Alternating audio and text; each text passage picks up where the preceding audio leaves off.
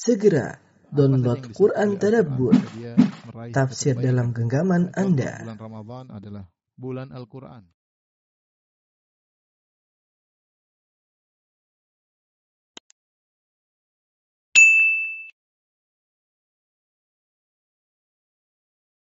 Bismillahirrahmanirrahim. Assalamualaikum warahmatullahi wabarakatuh. Ala taufiqihi wa amtinani wa asyhadu an la ilaha illallah wahdahu la syarika lahu ta'ziman li sya'ni. Wa asyhadu anna Muhammadan abduhu wa rasuluhu. Da'ila ridwani Allahumma salli alaihi wa ala alihi wa ashabihi wa ikhwani. Uh, hadirin hadirat yang dirahmati Allah Subhanahu wa taala. Pada kesempatan ini kita melanjutkan pembahasan dari surat Al-Baqarah kita sampai pada ayat ke-224 ayat 224 Allah Subhanahu wa taala berfirman wala taj'alullaha urdatan li aymanikum an tabarru wa tattaqu wa tuslihu bainan nas wallahu samii'un alim. Yang artinya janganlah kalian menjadikan nama Allah dalam sumpah kalian sebagai penghalang untuk berbuat kebajikan, untuk bertakwa dan untuk mengatakan islah perdamaian di antara manusia. Allahu sami'un alim dan Allah mendengar lagi Maha mengetahui.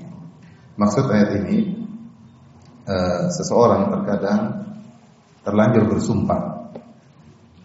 Yang sumpah tersebut bisa menghalangi dia dari berbuat baik atau bertakwa atau untuk mendamaikan orang lain. Kalau dia sudah terlanjur bersumpah dan sumpah tersebut menghalangi dia untuk melakukan kebaikan, maka hendaknya dia batalkan sumpahnya. Dia batalkan sumpahnya dan dia lakukan kebaikan tersebut dan dia bayar kafaratul yamin. Contoh mungkin dia marah sesama orang, kemudian dia bilang demi Allah saya tidak mau ngomong lagi sama dia. Ternyata kemudian di kemudian hari dia tahu bahwasanya lebih baik saya ngomong sama dia, membersihkan hati daripada ribut melulu. Dalam kondisi demikian, meskipun dia sudah terlanjur bersumpah, demi Allah saya tidak mau ngomong sama dia, hendaknya dia batalkan apa? Sumpahnya. Jangan dia menjadikan sumpah tersebut sebagai penghalang untuk berbuat kebaikan. Ya. Apakah untuk berbuat kebaikan atau untuk bertakwa untuk Islam? Ya. Misalnya uh, dia bersumpah uh, demi Allah, uh, saya tidak mau ketemu lagi dengan si fulan. Ternyata dampak dari kalau dia tidak bertemu dengan si fulan, maka akan terjadi pertikaian di antara dua kubu misalnya. Maka dia batalkan sumpahnya, kemudian dia ketemu dengan orang tersebut dan dia bayar kafarah al-yamin karena sumpah kalau dibatalkan harus bayar kafarah ya, bayar kafarah. Ya, kafarah tersebut adalah uh, apa namanya? Uh, memberi makan kepada 10 orang fakir miskin atau memberi baju kepada 10 fakir miskin atau puasa 3 hari. Sebagaimana dalam surat Al-Maidah. Baik, saya sebutkan contohnya di sini seperti uh, ayat dalam surat An-Nur ayat 22. Kisah tentang Abu Bakar yang bersumpah untuk tidak lagi memberi bantuan secara ekonomi kepada Mistah bin Asas ya atau Usasa. Mistah radhiyallahu taala anhu bin Mistah bin Usasa. Kisah yang ma'ruf ketika Aisyah radhiyallahu taala anha dituduh berzina oleh orang-orang munafikin. Ketika orang-orang munafikin menuduh menuduh Aisyah berzina dengan Sofwan bin Mu'attal As-Sulami, saking gencarnya isu ketika itu sehingga sebagian kaum muslimin terprovokasi. Ada tiga orang terprovokasi. Tiga orang tersebut adalah Mistah bin Utsatha, kemudian Hamnah bintu Jahshin, uh, kemudian uh, Hasan bin Thabit. Akhirnya tiga orang ini pun didera oleh Nabi Shallallahu Alaihi Wasallam. Ketika turun ayat membela Aisyah, ketahuanlah bahwasanya isu tersebut hanyalah berita dusta dan akhirnya ketiga orang ini pun didera oleh Nabi Shallallahu Alaihi Wasallam karena ikut-ikut terprovokasi menuduh Aisyah berzina. Dan akhirnya Abu Bakar pun marah kepada Mistah karena Mistah bin Usasa ini kerabatnya Abu Bakar radhiyallahu taala entah anak bibinya saya lupa tapi anak bibinya atau intinya kerabatnya. Dan Abu Bakar berpikir seharusnya atau kita logika kita seharusnya ketika kerabat kita dituduh dengan tuduhan yang tidak tidak harusnya kita bela. Mistah bin Utsatha selalu dibantu secara ekonomi oleh Abu Bakar As-Siddiq karena dia orang miskin. Ketika putrinya Abu Bakar dituduh berzina, dia bukan membela, dia malah ikut menu menuduh. Gampangan kita ya air susu dibalas dengan air tubah ya. Sehingga ketika datang ayat-ayat Allah membela Aisyah, maka radhiyallahu anha maka Abu Bakar pun marah kepada Misr dan mengatakan aku tidak akan berinfak lagi kepada Mistah. Maka Allah pun tegur dalam surat An-Nur wala ya'tali ulul fadli minkum wasa'ati an yu'tu ulil qurba wal masakin wal muhajirin fi sabilillah. Janganlah orang yang memiliki kelebihan harta, memiliki kelapangan harta bersumpah untuk tidak memberi nafkah kepada orang miskin dan karib kerabat dan orang-orang berhijrah di jalan Allah Subhanahu wa taala. Wal ya'fu wal yasfahu hendaknya mereka maafkan dan melapangkan dada. Akhirnya Abu Bakar pun menarik sumpahnya. Akhirnya Abu Bakar menarik sumpah. Ini contoh seorang sudah bersumpah dan dia boleh batalkan sumpahnya enggak ada masalah. Jika pembatalan tersebut lebih baik. Lebih baik. Jadi jangan kita saya sudah terlanjur bersumpah. Saya tidak. Kalau nggak baik tinggalkan bayar kafarah, lakukan yang lebih lebih baik. Contoh lagi terjadi pada Nabi Shallallahu Alaihi Wasallam dalam hadis Abu Musa al Ashari radhiyallahu taala anhu, uh, bercerita ya suatu hari Abu Musa al Ashari bersama sekelompok orang mereka dalam hidangan makanan tiba-tiba dihidangkan daging ayam. Jadi daging ayam sudah ada sejak zaman Nabi ya. Bukan kambing doang, ya, ayam juga. Jadi dihidangkan daging ayam. Tiba-tiba di antara para hadirin ada seorang eh, tidak mau makan daging ayam. Tidak mau makan daging ayam. Eh, kemudian Abu Musa panggil dia, "Fulan makan." Yang bukan kambing, bukan onta, tapi apa? Ayam. Kok kamu tidak makan? Silakan makan daging ayam. Sungguhnya aku pernah melihat Rasulullah SAW makan daging ayam. Kata Abu Musa al-Syari, "Inni ra'aituhu uh, kata Musa, fa ini qad raaitu Rasulullah sallallahu ya'kulu minhu. Aku pernah lihat Nabi makan daging ayam. Kenapa kau tidak makan? Akhirnya orang ini cerita dia pernah bersumpah tidak mau makan daging ayam, tidak terlanjur. Maka dia berkata, "Inni ra'aitu ya'kulu syai'an qadirtuhu fahalaftu alla at'amahu abadan." Saya pernah lihat ayam makan sesuatu yang menjijikkan. Maka saya pun bersumpah tidak akan makan daging ayam selama-lamanya. Inilah sebabnya kenapa dia tidak mau makan daging ayam. Terlanjur bersumpah tidak mau makan daging ayam. Maka kemudian Abu Musa al-Asy'ari pun menjelaskan Rasulullah pernah bersumpah kemudian beliau batalkan sumpahnya demi kebaikan. Kisahnya bagaimana? Maka dia pun cerita, kami dahulu bersama Asy'ariyin bersama kerabat saya dari Yaman, uh, Abu Musa al-Asy'ari dan saudara-saudaranya Asy'ari Asy'ari yaitu Asy'ariyin kami pun datang kepada Nabi sallallahu alaihi wasallam dan kami minta untuk diberikan tunggangan.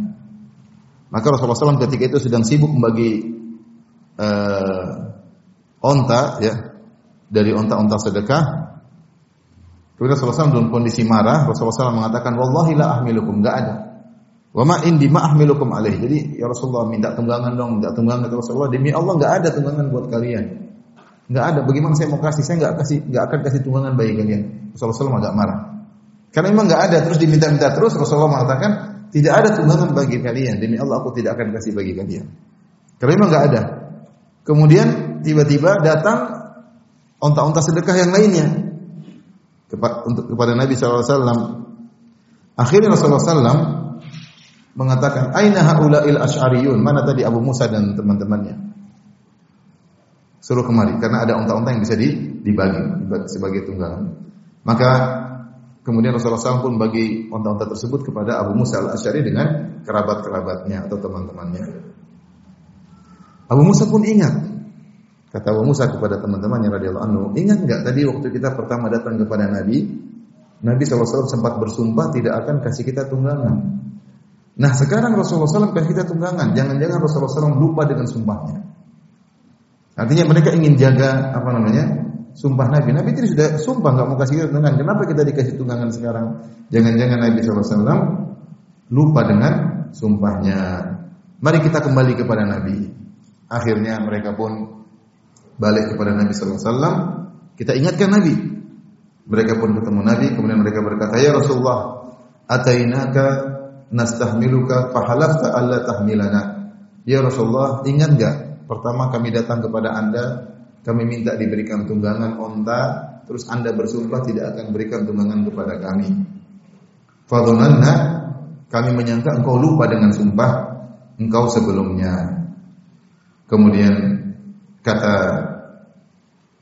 Abu kata Nabi SAW ya ini wallahi insyaallah la ahlifu ala yaminin fa ara ghayraha khairan minha illa ataitu alladhi huwa khairun fatahallaltuha kata Nabi demi Allah saya insyaallah kalau saya bersumpah sesuatu kemudian saya melihat ada yang lebih baik daripada apa yang saya sumpahkan tersebut maka saya akan tinggalkan sumpah tersebut dan saya akan menuju yang lebih baik dan saya akan membayar kafarah dari sumpah tersebut. Ya. Jadi paham maksud ayat ini? La taj'alullahu urdhan li aymanikum an tabarru wa tattaqu wa tuslihu bainan nas. Janganlah menjadikan sumpah kalian menjadi penghalang untuk berbuat kebaikan. Kita terkadang sudah terlanjur bersumpah. Kita lagi marah, ya. Lagi marah sama istri misalnya. Demi Allah saya nggak mau jalan-jalan lagi sama kamu, misalnya. Sumpah konyol ya, tapi sudah terlanjur bersumpah. sudah terlanjur bersumpah, ya udah. Kalau tuh pengen jalan-jalan, bayar kafarah, kemudian jalan-jalan. Demi Allah saya tidak akan lagi pergi kampung tersebut. Sumpah. Tahu ada keperluan, ada satu maslahat, ya sudah. Bayar apa? Kafarah. Semua kebaikan, ketakwaan dan memperbaiki hubungan di antara manusia janganlah menjadi menjadikan sumpah sebagai penghalang untuk melakukan itu semua. Ini apa namanya? Uh, inti sari daripada ayat tersebut. Jadi kata kata Allah, la taj'alullah urdatan li aymanikum an tabarru wa tattaqu wa tuslihu bainan nas. Janganlah sumpah kalian menghalangi kalian untuk berbuat baik, untuk bertakwa, untuk mendamaikan di antara manusia. Ini tiga hal yang sangat mulia, albir, wa taqwa, wal islah. Albir adalah seluruh kebajikan, disebut dengan albir. At-taqwa adalah meninggalkan seluruh kemaksiatan. Islah mendamaikan di antara manusia. Albir dan takwa kalau digabungkan maka albir maknanya adalah melakukan segala kebajikan dan barul bir dan termasuk kebaikan yang terbaik adalah berbakti kepada kedua orang tua ya.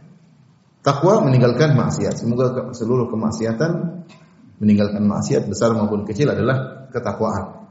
Islah mendamaikan di antara orang yang bersengketa dari tahapan yang uh, lingkup yang kecil sampai lingkup yang besar mendamaikan antara suami dan istri, mendamaikan antara kakak dan adik, mendamaikan antara satu kabilah dengan kabilah yang lainnya. Ya, ini semua kebaikan. Maka jangan sampai ada sumpah yang menghalangi terjadi kebaikan-kebaikan ini. Ya. Paham insyaallah? Baik, lanjutkan ayat berikutnya. Setelah itu Allah Subhanahu wa taala berfirman pada ayat 225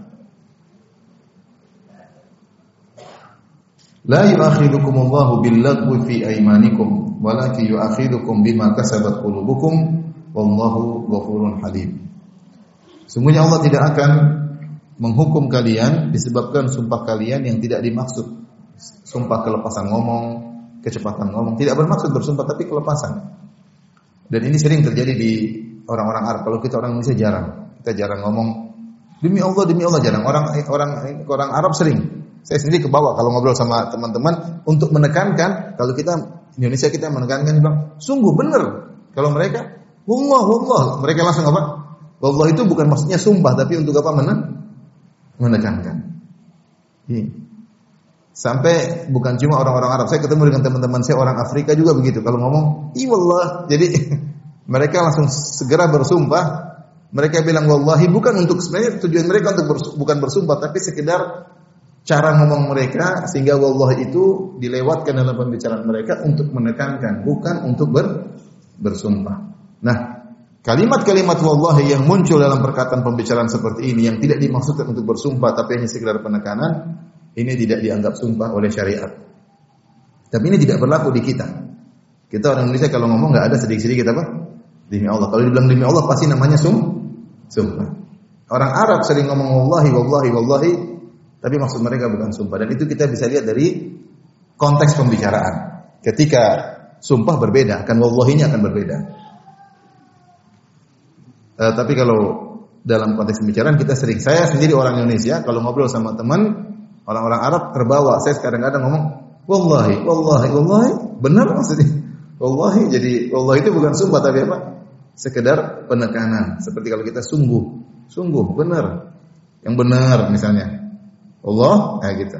Bukan bukan maksudnya kamu berani bersumpah enggak, tapi sekedar apa? Omongan. Nah, seperti ini dianggap lagu. Lagu yaitu perkataan yang sia-sia yang tidak dianggap sumpah oleh syariat. Allah berfirman, "La yu'akhidukumullahu bil-lagwi fi aimanikum." Allah tidak menghukum kalian akibat sumpah kalian yang lagu yaitu perkataan wallahi yang tidak dimaksud untuk bersumpah hanyalah sekedar tradisi yang diucapkan ketika dalam pembicaraan. Walakin yu'akhidukum bima kasabat qulubukum. Tapi yang Allah hukum adalah sumpah yang kalian sengaja, yang benar-benar kalian bohong, kemudian kalian bersumpah. Wallahu ghafurun halim dan Allah Maha Pengampun lagi Maha Penyantun ya. Baik, e, di antara sumpah yang diampunkan atau dimaafkan oleh Allah Subhanahu wa taala, pertama tadi al-lagu. Al-lagu tadi sumpah-sumpah yang dalam pembicaraan orang Arab tidak dimaksudkan sumpah tapi ini sekedar penekanan ini tidak dianggap tidak dianggap sumpah dalam syariat dan ini sering sekali dalam pembicaraan orang-orang Arab. Bahkan sebagian teman-teman saya orang Afrika juga kalau ngomong juga ada begitunya. Tapi mereka bukan maksudkan untuk bersumpah. Yang kedua adalah sumpah terhadap masa lalu yang dia menyangka itu benar ternyata salah. Dia bilang demi Allah saya kemarin sudah gini, ternyata dia lupa misalnya. Dia tidak bermaksud berbohong. Dia meyakini apa yang dia yakini dan dia sumpah ternyata keliru. Ini pun dimaafkan oleh Allah Subhanahu wa taala. Karena dia tidak bermaksud berbohong. Dia meyakini apa yang telah terjadi masa lalu, ternyata dia keliru. Ternyata keliru. Demikian juga di antara yang dimaafkan oleh Allah Subhanahu wa taala kita bersumpah tentang sesuatu yang kita yakini di depan ternyata tidak benar. Misalnya ada orang lewat, itu siapa? Demi Allah itu si fulan. Saya lihat si fulan, saya tahu ciri-cirinya. Eh, ternyata bukan. Apakah ini dosa? Jawabannya tidak. Dia tidak bermaksud untuk berbohong. Tapi dia meyakini sesuatu, kemudian dia bersumpah untuk menekan sesuatu tersebut ternyata keliru keliru. Ini contoh disebut oleh para ulama sumpah-sumpah yang uh, tidak dimaksudkan untuk berbohong dan dimaafkan. Atau seorang dan ini terjadi orang ngobrol sama kita, kemudian kita diminta sumpah. Kamu kemarin gini, demi Allah, demi Allah, saya nggak begitu. Terus lima menit kemudian, eh ya Allah saya keliru. Ini contoh seperti kita keburu-buru bersumpah, lupa untuk memeriksa kembali memori kita. Seperti itu juga dimaafkan. Tapi sekiranya kita kasih tahu, oh, saya mohon maaf tadi saya salah. Saya kecepatan bersumpah, ternyata saya cek lagi memang saya salah. Nah, ini sumpah-sumpah seperti ini dimaafkan oleh Allah Subhanahu wa taala karena bukan uh, yang dimaksudkan oleh hati. Tapi yang dihukum walaki yu'akhidukum bima kasabat qulubukum. Tetapi yang Allah hukum adalah yang dimaksud oleh hati kalian. Nah, sumpah-sumpah seperti tadi seperti sumpah-sumpah dalam menekanan penekanan dalam pembicaraan kebiasaan orang Arab, sumpah tentang masa lalu ternyata keliru karena dia yakini begini ternyata dia cek lagi ternyata tidak benar atau sumpah tentang masa depan ini si fulan ternyata bukan, ini semua diampuni oleh Allah dan tidak perlu bayar kafar. Tidak perlu bayar apa? Kafar. Beda dengan yang pertama, kalau yang pertama dia bersumpah sengaja, saya tidak akan ngomong sama dia. Tahu-tahu sepertinya dia harus ngomong sama orang tersebut, maka dia batalkan sumpahnya, dia bayar apa?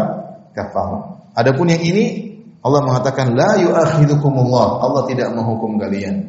Ketika Allah tidak menghukum berarti tidak ada hukumnya sama sekali, tidak ada dosa sama sekali dan tidak ada kafar. Kafar. Kafar tadi apa? Ya. Fakafaratu it'amu asyrati masakin min awsati ma tut'imun ahlikum aw kiswatuhum atau fi raqabah Fama lam yajid fasiyamu salasati ayyam. Dzalika kafaratu aymanikum idza halaftum. Orang kalau sudah bersumpah, kafarahnya pilihan tiga. Kasih makan 10 anak, 10 orang miskin dari makanan yang sedang yang sering kita makan. Ya, kita mungkin biasa makan nasi nasi padang mungkin harga 50 ribu, terkadang kita makan 20 ribu, yang sedang-sedang kita ambil yang harga 30 ribu min awsati ma tut'imun ahlikum. Kalau biasa atau yang biasa kita makan yang tengah-tengah yang biasa kita makan di rumah apa? Kita kumpulkan buat 10 orang, kita kasih 10 orang, itu namanya kafar atau pilihan. Atau kita berikan pakaian kepada 10 orang miskin. Kayaknya lebih gampang yang pertama, beli pakaian lebih mahal. Nggak ada pakaian 30 ribu ya. Tapi boleh, boleh. memberi makan 10 orang atau memberi pakaian kepada 10 orang miskin atau tahrir raqabah atau memberikan budak. Sekarang budak nggak ada. Jadi pilihan cuma dua, memberi makan atau memberi apa pakaian kepada berapa orang? 10 orang miskin. Kalau tidak mampu, tidak punya uang untuk kasih makan orang, tidak punya uang kasih pakaian bagi 10 orang miskin, maka puasa tiga, tiga hari. Itu kafarahnya sumpah. Puasa tiga atau puasa tidak boleh, tidak boleh langsung puasa nggak boleh. Kalau nggak mampu boleh. Kalau nggak mampu beri makan, tidak mampu memberi pakaian kepada 10 orang miskin, baru boleh puasa tiga hari. Nah, untuk sumpah-sumpah tadi yang yang kita sebutkan tadi tidak tidak dianggap sumpahnya sehingga tidak perlu beristighfar dan tidak perlu bayar kafarah karena tidak dianggap sumpah oleh Allah Subhanahu wa taala. Tapi Allah hanya menghukum walakin yu'akhidhukum bima kasabat qulubukum. Allah menghukum sumpah yang benar-benar dimaksudkan oleh hati yang isinya sengaja, sengaja berbohong. Ini dosa besar. Ya, siapa yang bersumpah ternyata dia tahu dia bohong, dosa besar. Apalagi sumpah tersebut mengakibatkan mengambil hak orang lain. Maka namanya yaminul gomus. Sebut yaminul gomus karena seorang yang bersumpah dengan sumpah tersebut, gomus artinya e, mencelupkan. Artinya dia mencelupkan dirinya dalam neraka jahanam. Ya. Sampai ketika Nabi menyampaikan hal ini bahayanya bersumpah bohong untuk mengambil harta orang lain sampai seorang sahabat berkata, "Ya Rasulullah, walau qadiban min arab." Ya Rasulullah meskipun hanya sebatang kayu siwak. Kata Rasulullah SAW, walau qadiban min arab. Meskipun satu kamu sumpah demi Allah untuk mengambil sebatang siwak dari saudaramu, siap-siap masuk neraka. Siap-siap masuk neraka. Ini sumpah yang sengaja dia sudah tahu dia bohong, dia bilang demi Allah, maka ini yang berdosa. Baik. Setelah itu Allah sebutkan ayat 226 sampai 232 semuanya tentang perceraian. Semuanya tentang apa? Perceraiannya. Sabar ini pikirnya agak susah tapi kita harus sampaikan ya. Namun yang ayat 226 ini perceraian mirip dengan perceraian terkaitan dengan berkaitan dengan sumpah, berkaitan juga dengan sumpah. Jadi Allah sudah bicara tentang hukum sumpah. Uh, hukum sumpah kalau buruk boleh dibatalkan, diganti dengan yang lebih baik, kemudian bayar apa? Kafarah. Ayat 224. Ayat 25, sumpah yang tidak sengaja atau sumpah yang uh, karena salah ngomong itu tidak tidak dianggap sumpah sehingga dimaafkan. Yang diberi hukum adalah sumpah yang disengaja oleh hati benar-benar tahu dia bersumpah. Baik berikutnya, lilladzina yu'luna min nisaihim tarabbusu arba'ati ashhur. Kata Allah dan terhadap orang-orang yang mengila mengila istri-istri mereka. Ila artinya apa? Ila artinya bersumpah untuk tidak menjima istrinya selama empat bulan. Lebih dari empat bulan. Misalnya mengatakan demi Allah saya tidak akan menjimai kamu selama-lamanya. Ini namanya ila. Kalau kurang dari empat bulan tidak disebut ila. Misalnya demi Allah saya tidak akan menjima kamu selama dua bulan. Demi Allah saya tidak akan mendatangi kamu selama tiga bulan. Tidak disebut ila. Ila itu jika dia bersumpah untuk tidak menggauli istrinya selama empat bulan atau lebih. Itu namanya ila. Ini kebiasaan orang-orang Arab dahulu kalau mereka marah sama istrinya, mereka bilang gitu, demi Allah saya tidak datangi kamu empat bulan. Dan dia mudah karena dia punya istri yang lain. Istrinya yang menderita. Kalau kita sekarang ini mampu sendiri ya. Jadi dia marah dia bilang gitu, demi Allah aku tidak akan mendatangi kamu selama lima bulan atau selama lamanya. Ini ada hukumnya dalam Islam. Boleh kamu mengucapkan demikian? Ya. Uh, di sini Allah berfirman, "Lilladzina yu'luna min nisaihim." Dan orang-orang yang bersumpah, ini terkait dengan sumpah. Bersumpah demi Allah untuk tidak mendatangi istri mereka lebih dari empat bulan. Tarabbusu arba'ati ashur, maka hendaknya mereka menunggu empat bulan. Fa infa'u kalau mereka kembali kepada istri-istri mereka, yaitu mereka menggauli istri-istri mereka, fa innallaha ghafurur rahim, maka Allah mengampuni dosa-dosa mereka. Wa in azamut talaqa, tapi kalau mereka ternyata bertekad untuk mentalak, fa innallaha sami'un alim, maka Allah Maha mendengar lagi Maha mengetahui. Kita akan bahas tentang hukum uh, al-ila. Jadi, kita tahu bahwasanya di antara uh, hak seorang wanita adalah untuk digauli. Ada khilaf memang di kalangan para ulama. Berapa banyak berapa berapa banyak kuantitas kewajiban seorang suami menggauli istrinya. Jumhur ulama berpendapat wajib bagi suami empat bulan sekali berdasarkan ayat ini. Artinya kalau dia tidak menggauli istrinya selama empat bulan, ya mungkin dia kurang, tapi dia tidak berdosa. Dia hanya berdosa kalau lebih dari empat bulan dia tidak gauli istrinya. Pendapat yang dipilih oleh Syekhul Islam bin Taimiyah rahimahullah taala bahwasanya kewajiban suami menggauli istrinya berdasarkan kebutuhan, berdasarkan hajat kebutuhan istrinya. Ya, karena Allah berfirman walahunna mithlu ladzi alaihinna bil ma'ruf dan para wanita punya hak yang ma'ruf sebagaimana lelaki punya hak yang ma'ruf. Sebagaimana sebagaimana lelaki punya hak untuk menggauli istrinya untuk minta jatah hubungan intim, maka wanita juga punya hak untuk uh, meminta hubungan jatah hubungan intim dari suaminya. Ini pendapat yang lebih kuat kata Syekh Islam. Ini dua pendapat yang lebih kuat dari di antara dua pendapat. Kenapa? Karena bukan hanya lelaki yang butuh untuk menjaga pandangannya, untuk e, disalurkan hasratnya, wanita pun demikian. Terutama di zaman sekarang, zaman fitnah, maka seorang suami harus menjaga iffah harga diri suaminya, menjaga eh, menjaga istri, harga diri istrinya, menjaga kemuliaan istrinya. Bisa jadi akhirnya terjadi perselingkuhan, terjadi persinahan ketika seorang suami tidak memenuhi kebutuhan biologis istrinya. Jadi pendapat yang lebih kuat bahwasanya uh, wajib bagi suami untuk menggauli istrinya sesuai dengan kadar kebutuhan uh, istrinya dan tidak dibatasi dengan empat bulan sekali sebagaimana pendapat mayoritas. Ini pendapat tadi yang disebutkan pendapat wajib sesuai dengan kebutuhan pendapat Syekhul Islam Ibn Taimiyah rahimahullahu taala.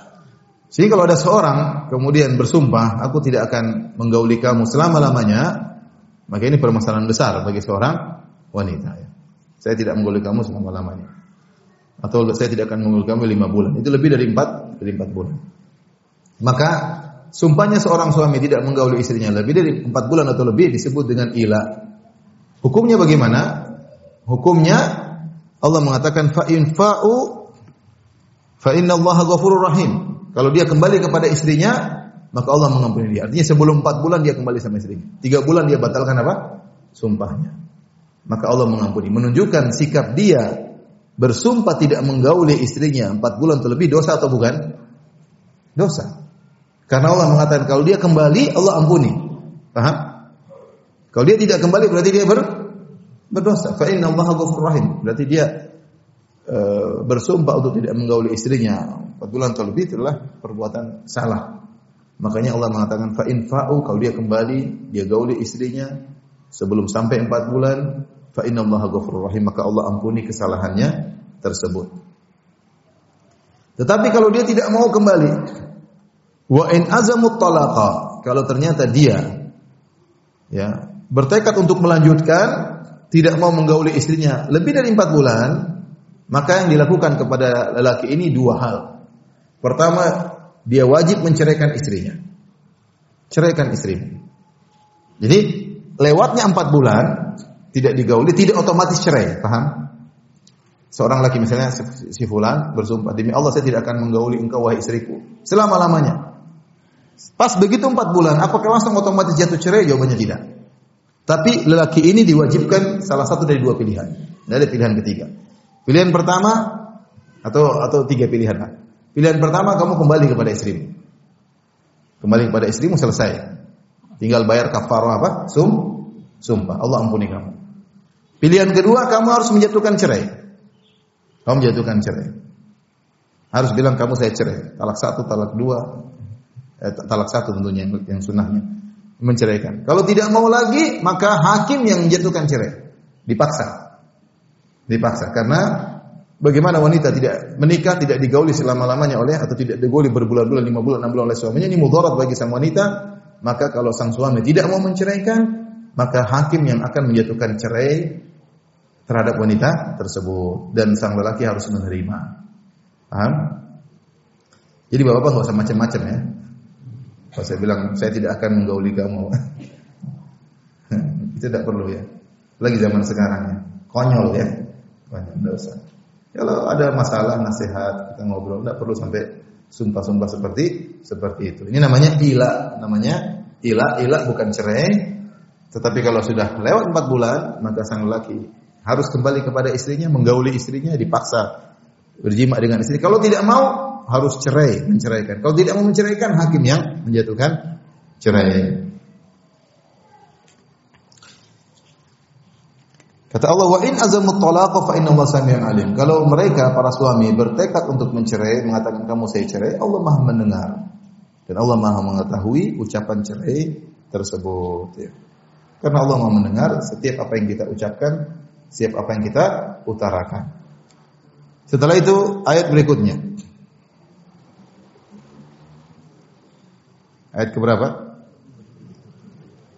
227. 228 sekarang. Wal mutallaqatu wal mutallaqatu yatarabbasna bi anfusihinna thalathata quru. Dan wanita-wanita yang dicerai dan mereka masih dalam kondisi belum menopause itu masih ada haidnya. Ya. Kalau ya, ya tarabbas Nabi anfusina salah satu kuru, maka mereka menunggu masa iddah selama tiga kuru. Al-qara'u, al-qara'u ada khilaf di kalangan para sahabat, ada yang mengatakan al-qara'u adalah haid, ada yang mengatakan al-qara'u adalah suci. Jadi ada sebagian sahabat menafsirkan wanita yang dicerai dan belum menopause dan masih mengalami haid, menstruasi teratur, maka masa menunggunya adalah tiga kali suci. Ada pendapat tiga kali haid, namun kebanyakan ulama mengatakan maksudnya tiga kali haid. Baru dia boleh menikah dengan lelaki lain. Nah, menunggu tiga kali haid itu namanya masa iddah. Tentunya masa iddah bahasanya panjang. Wanita hamil masa iddahnya sampai melahirkan. Wanita yang menopause masa iddahnya adalah tiga bulan. Wanita yang masih mengalami menstruasi dan tidak dalam kondisi hamil, maka masa iddahnya berapa kali haid? Tiga kali haid. Tiga kali haid. Maju-maju dikit bapak-bapak.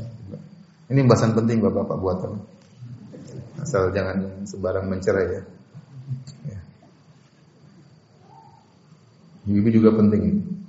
Ya mudah-mudahan tidak ada namanya perceraian. Tapi inilah syariat kita harus mengerti tentang syariat tersebut ya. Baik. Saya ulangi, orang wanita kalau dicerai talak satu atau talak dua, maka eh, ada masa iddah. Ya. Masa iddah tersebut bagi wanita yang hamil, maka masa iddahnya sampai anaknya lah lahir. Wanita yang menopause atau belum haid bisa jadi wanita dinikahi sebelum sebelum balik belum haid atau sudah menopause maka masa iddahnya tiga bu tiga bulan hijriah tiga bulan hijriah atau wanita yang masih dalam kondisi mengalami menstruasi, maka masa idahnya adalah tiga kali haid. Tiga kali haid. Misalnya si uh, misalnya si A menceraikan istrinya, si B. A menceraikan si B. Ternyata wanita ini masih dalam kondisi menstruasi, artinya dia masih mengalami menstruasi. Maka masa idahnya adalah tiga kali haid. Ketika diceraikan dalam kondisi suci, maka tunggu haid pertama. Misalnya dia haid di awal bulan, ini dia menceraikan di tengah bulan. Awal bulan haid, baru haid pertama. Terus masa idah masih berlanjut. Kemudian bulan berikutnya di awal bulan haid kedua.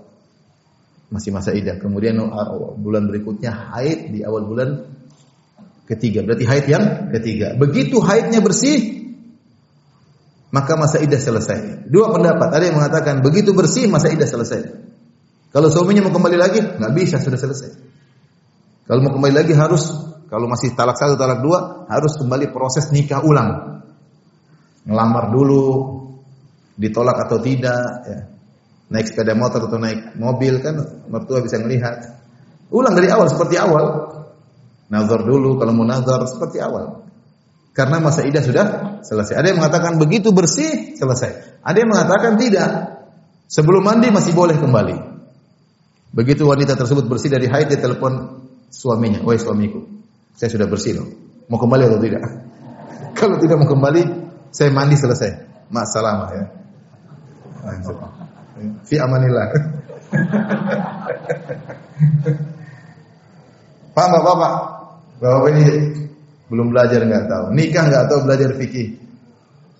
cerai nggak tahu, sudah tanya-tanya tentang poligami lagi, parah. Belajar harus tahapan. Jadi intinya eh, harus tahu. Jadi kebanyakan eh, artinya secara umum wanita wanita dalam kondisi mengalami menstruasi. Kalau misalnya istrinya sudah umur 50 tahun mungkin sudah menopause, dia tahu begitu dia nih dia ceraikan hitung 3 bulan dari situ. Dia ceraikan tanggal 15 Hijriah.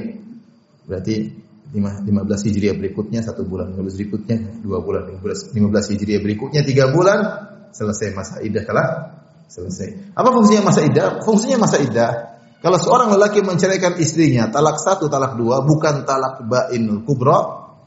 Talak bain kubra maksudnya bainunah al kubra, talak tiga. Selama talak satu, talak dua masih bisa kembali. Kalau di masa idah, dia berhak kembali sebelum masa idah selesai. Dia berhak kembali, tinggal datangkan dua saksi, dia kembali. Istrinya jangan menolak, tidak menolak. Tapi kalau di masa iddah dia tidak kembali-kembali sampai iddahnya selesai, dia tidak bisa kembali lagi. Dia harus proses nikah seperti nikah awal. Paham tidak Bapak-bapak? Talak ada dua. Pertama namanya talak roji'i. Talak roji'i talak yang bisa kembali. Kemudian yang kedua talak al-ba'in, talak yang tidak bisa kembali. Talak tidak bisa kembali itu kalau talak tiga. Dia nggak bisa kembali kepada istrinya kecuali istrinya nikah sama laki-laki lain kemudian digauli, kemudian diceraikan, dia boleh lagi balik. Nah, talak yang boleh kembali, talak satu, talak dua, ini ada namanya masa iddah. Begitu seorang laki menjatuhkan cerai pada suaminya, eh, seorang laki menceraikan istrinya, maka istrinya masuk dalam masa iddah. Masa ini namanya masa menunggu. Nah, masa menunggu tadi sudah kita sebutkan. Kalau wanita hamil sampai melahirkan. Kalau wanita menopause atau belum mengalami haid, maka tiga bulan. Kalau wanita haid, masa iddahnya tiga kali apa? Haid.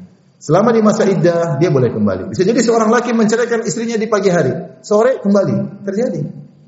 Jangan kan sore satu jam kemudian kembali. Makanya wanita kalau diceraikan dia tinggal di rumah sama suaminya dan dia berhias sampai suaminya pusing akhirnya kembali lagi. Jangan dicerai kemudian kabur ke rumah orang tua, buyar kalau gitu. Suaminya ngelirik wanita lain. Dilarang bagi wanita dicerai untuk kabur ke rumah orang tua, harus tetap di rumah suaminya. Nah, kalau sudah lewat tiga kali haid dan dia tidak kembali dan istrinya sudah mandi janabah, sudah dia mau kembali lagi istri saya mau kembali, nggak bisa. Harus proses ulang. Harus ngelamar dulu, mahar lagi, baru nikah lagi, nikah ulang. Tetapi talak satu tetap dihitung, talak dua tetap dihitung. Baik, kita lanjutkan. Wal mutallaqatu yatarabbasna bi anfusina thalathata quru. Wanita-wanita yang dicerai hendaknya menunggu tiga kali haid. Wala yahillu lahunna ayyaktumna ma khalaqallahu fi rahamihinna in kunna yu'minna billahi wal yawmil akhir. Tidak halal bagi mereka para wanita-wanita yang dicerai tersebut untuk menyembunyikan apa yang Allah ciptakan dalam rahim mereka jika mereka beriman kepada Allah dan hari akhir. Maksudnya apa? Wanita kalau dicerai, kalau dia hamil dia kasih suaminya. Jangan jangan dia diam-diam aja. Agar suaminya tahu masa idahnya sampai kapan. Suami tanya, sayang kamu hamil nggak? Nah, ngapain kamu tahu? Loh, saya ini mau tahu masa idah. Kamu masa idahnya tiga kali haid atau masa idah wanita hamil? Karena wanita hamil masa idahnya sampai melahirkan. Bisa jadi ceraikan istrinya, ternyata istrinya baru di awal hamil, masih masa idah 8 bulan.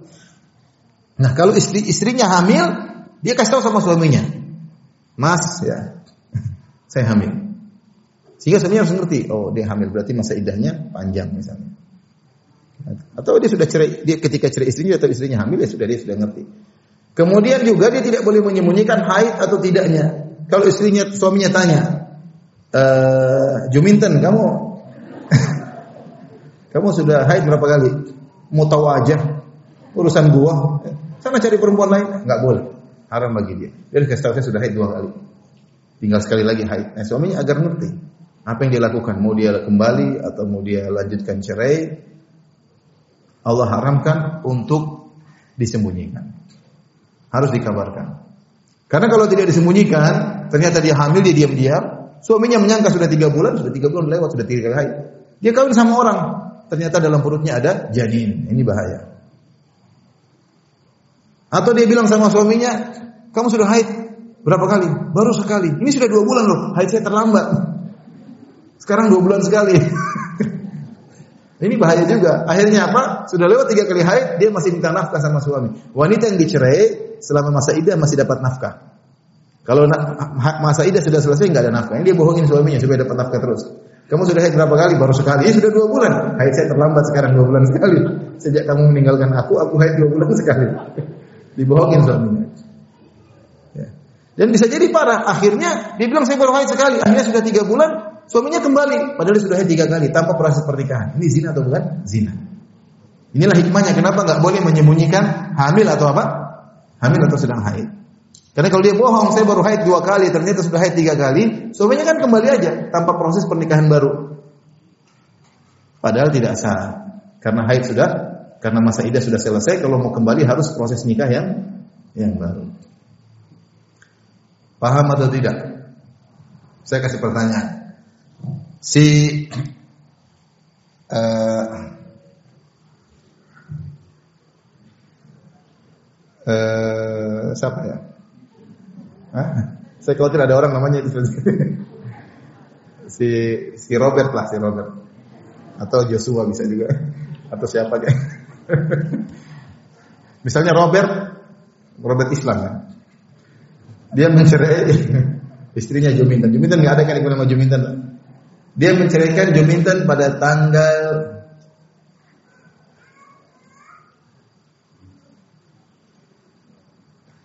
pada tanggal 17 Juni.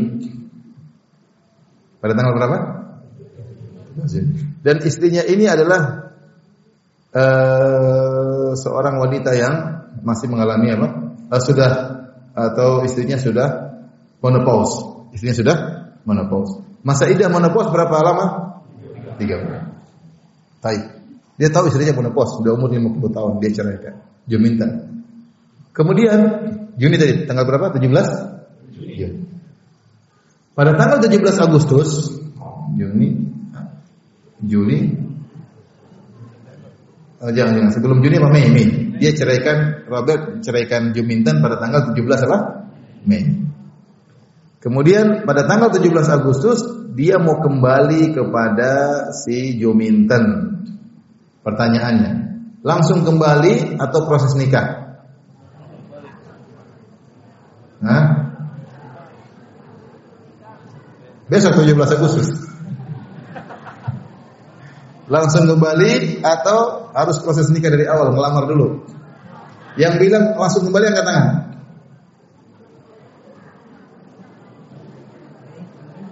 Yang bilang proses nikah lagi angkat tangan. Yang enggak yang enggak angkat tangan? Jawabannya Jawabannya harus proses nikah lagi. Kenapa? Karena bulan Hijriyah lebih sedikit daripada bulan bulan Masehi. Paham? Seandainya saya bilang dia menceraikan pada 17 Ramadan, Syawal, Zulqa'dah, Zulhijjah, benar 17 Zulhijjah dia masih bisa apa? Kembali. Tapi kalau bulan Masehi biasanya lebih panjang daripada bulan apa? Zulhijjah. Karena bedanya 11 hari, 6 tahun bulan Masehi 11 hari lebih tahun Masehi 11 hari lebih panjang daripada bulan Hijriah. Namanya pertanyaan jebakan. Baik. Kalau seorang lelaki si Robert menceraikan si Juminten, kemudian tiga kali haid, pas hari terakhir haidnya bersih, haidnya bersih, sudah bersih, sudah nggak ada darah setetes darah pun nggak keluar.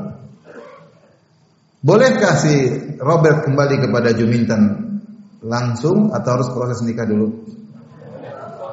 Hah? Langsung begitu aja, langsung masuk begitu? Ada khilaf di kalangan para ulama.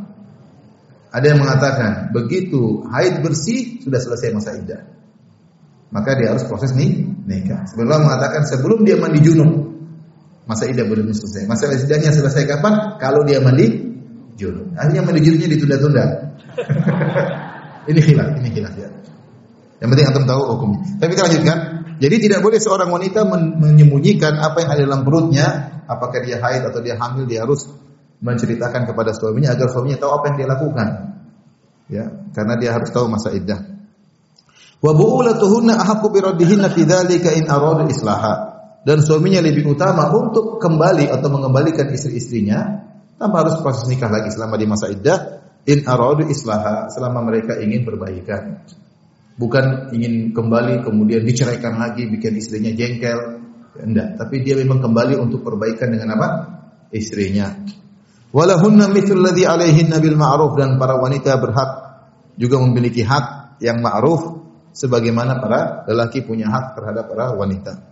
Walil rijali alaihinna darajah akan tetapi derajat hak lelaki lebih besar daripada hak wanita karena lelaki yang mencari nafkah, yang berusaha payah, yang membayar ya. Wallahu azizun hakim dan Allah Maha Izza, Maha perkasa dan Maha bijak. Baik. Lanjut atau sudah? Hah? Lanjut ya, kita singkat aja. At-talaqu marratan. Talak raj'i, talak yang bisa kembali cuma dua kali. Talak pertama sama talak talak dua ya. Talak disunahkan adalah diceraikan seorang laki menjatuhkan cerai kepada istrinya kalau dia tidak hamil atau dia masih dia mengalami masih mengalami dia tidak hamil dan tidak menopause maka dia menceraikan istrinya ketika istrinya suci dan belum dia jimai. Jangan dia ceraikan istrinya dalam kondisi haid. Siapa yang menceraikan dalam kondisi haid dia terjerumus dalam tolak bid'ah yaitu dia bermaksiat. Maka seorang kalau menceraikan tidak asal begitu marah langsung cerai, enggak. Lihat dulu istrinya haid atau tidak. Kalau dia istrinya haid dia nggak boleh ceraikan, tahan diri. Kamu haid udah tahan diri. Nanti tunggu istrinya bersih baru dijatuhkan cerai sebelum dia menggaulinya. Kalau dia istrinya bersih dia gauli dijatuhkan cerai, talak yang salah juga. Jadi talak itu harus benar istrinya suci dan belum dia jimai baru kemudian jatuhkan apa? Talak. Makanya kalau para lelaki menjalankan talak yang syar'i biasanya nggak jadi talak. Dia lagi jengkel sama istrinya, istrinya haid, dia tunggu-tunggu besok kamu bersih saya ceraikan. Begitu besok istrinya suci dia malah jimai, nggak jadi. Makanya talak tuh bagi laki nggak boleh begitu emosi langsung talak, enggak, dia harus tunggu. Dan talak roji'i dua kali. Talak pertama dia bisa kembali. Talak kedua dia juga bisa kembali selama dan uh, kalau di, di dalam masa idah tinggal kembali. Kalau selesai masa idah bisa nikah ulang. Paham? Tapi masih boleh kembali kepada istrinya. Fa imsakun bima'rufin aw tasrihum bi ihsan. Ya, kalau sudah mau habis masa iddah, kamu kembali dengan cara yang baik. Kalau kau ingin kembali, maka kembalilah dengan cara yang baik. Wa tasrihum bi insan. Kalau nggak mau kembali ceraikan, ceraikan dengan baik-baik. Tidak perlu perceraian kemudian diakhiri dengan dendam, diakhiri dengan maki-makian. Kita orang beriman kepada Allah. Namanya kehidupan tidak selalu sesuai dengan yang kita kehendaki. Kalau kita nggak bisa bahagia dengan wanita ini, kita bisa bahagia dengan wanita yang lain. Jika seorang wanita tidak bisa bahagia dengan laki ini, bisa bahagia dengan laki yang lain atau dalam kesendiriannya. Tetapi perceraian tidak boleh. Kata Allah, "Wa tasrihum bi ihsan." Harus cerai dengan cara baik-baik. Ya, baik-baik kalau perlu dikasih pemberian, cerai selesai. Bukan maki-maki, bukan marah-marah. Saya punya kawan, saya punya kawan, dia menceraikan istrinya, dia punya istri dua, dia ceraikan istri mudanya. Dia ceraikan, tapi subhanallah, dia baik sama istri itu. Sampai ketika kawan saya meninggal, istrinya tidak ada kecuali pujian terhadap suaminya, terhadap kawan saya tersebut.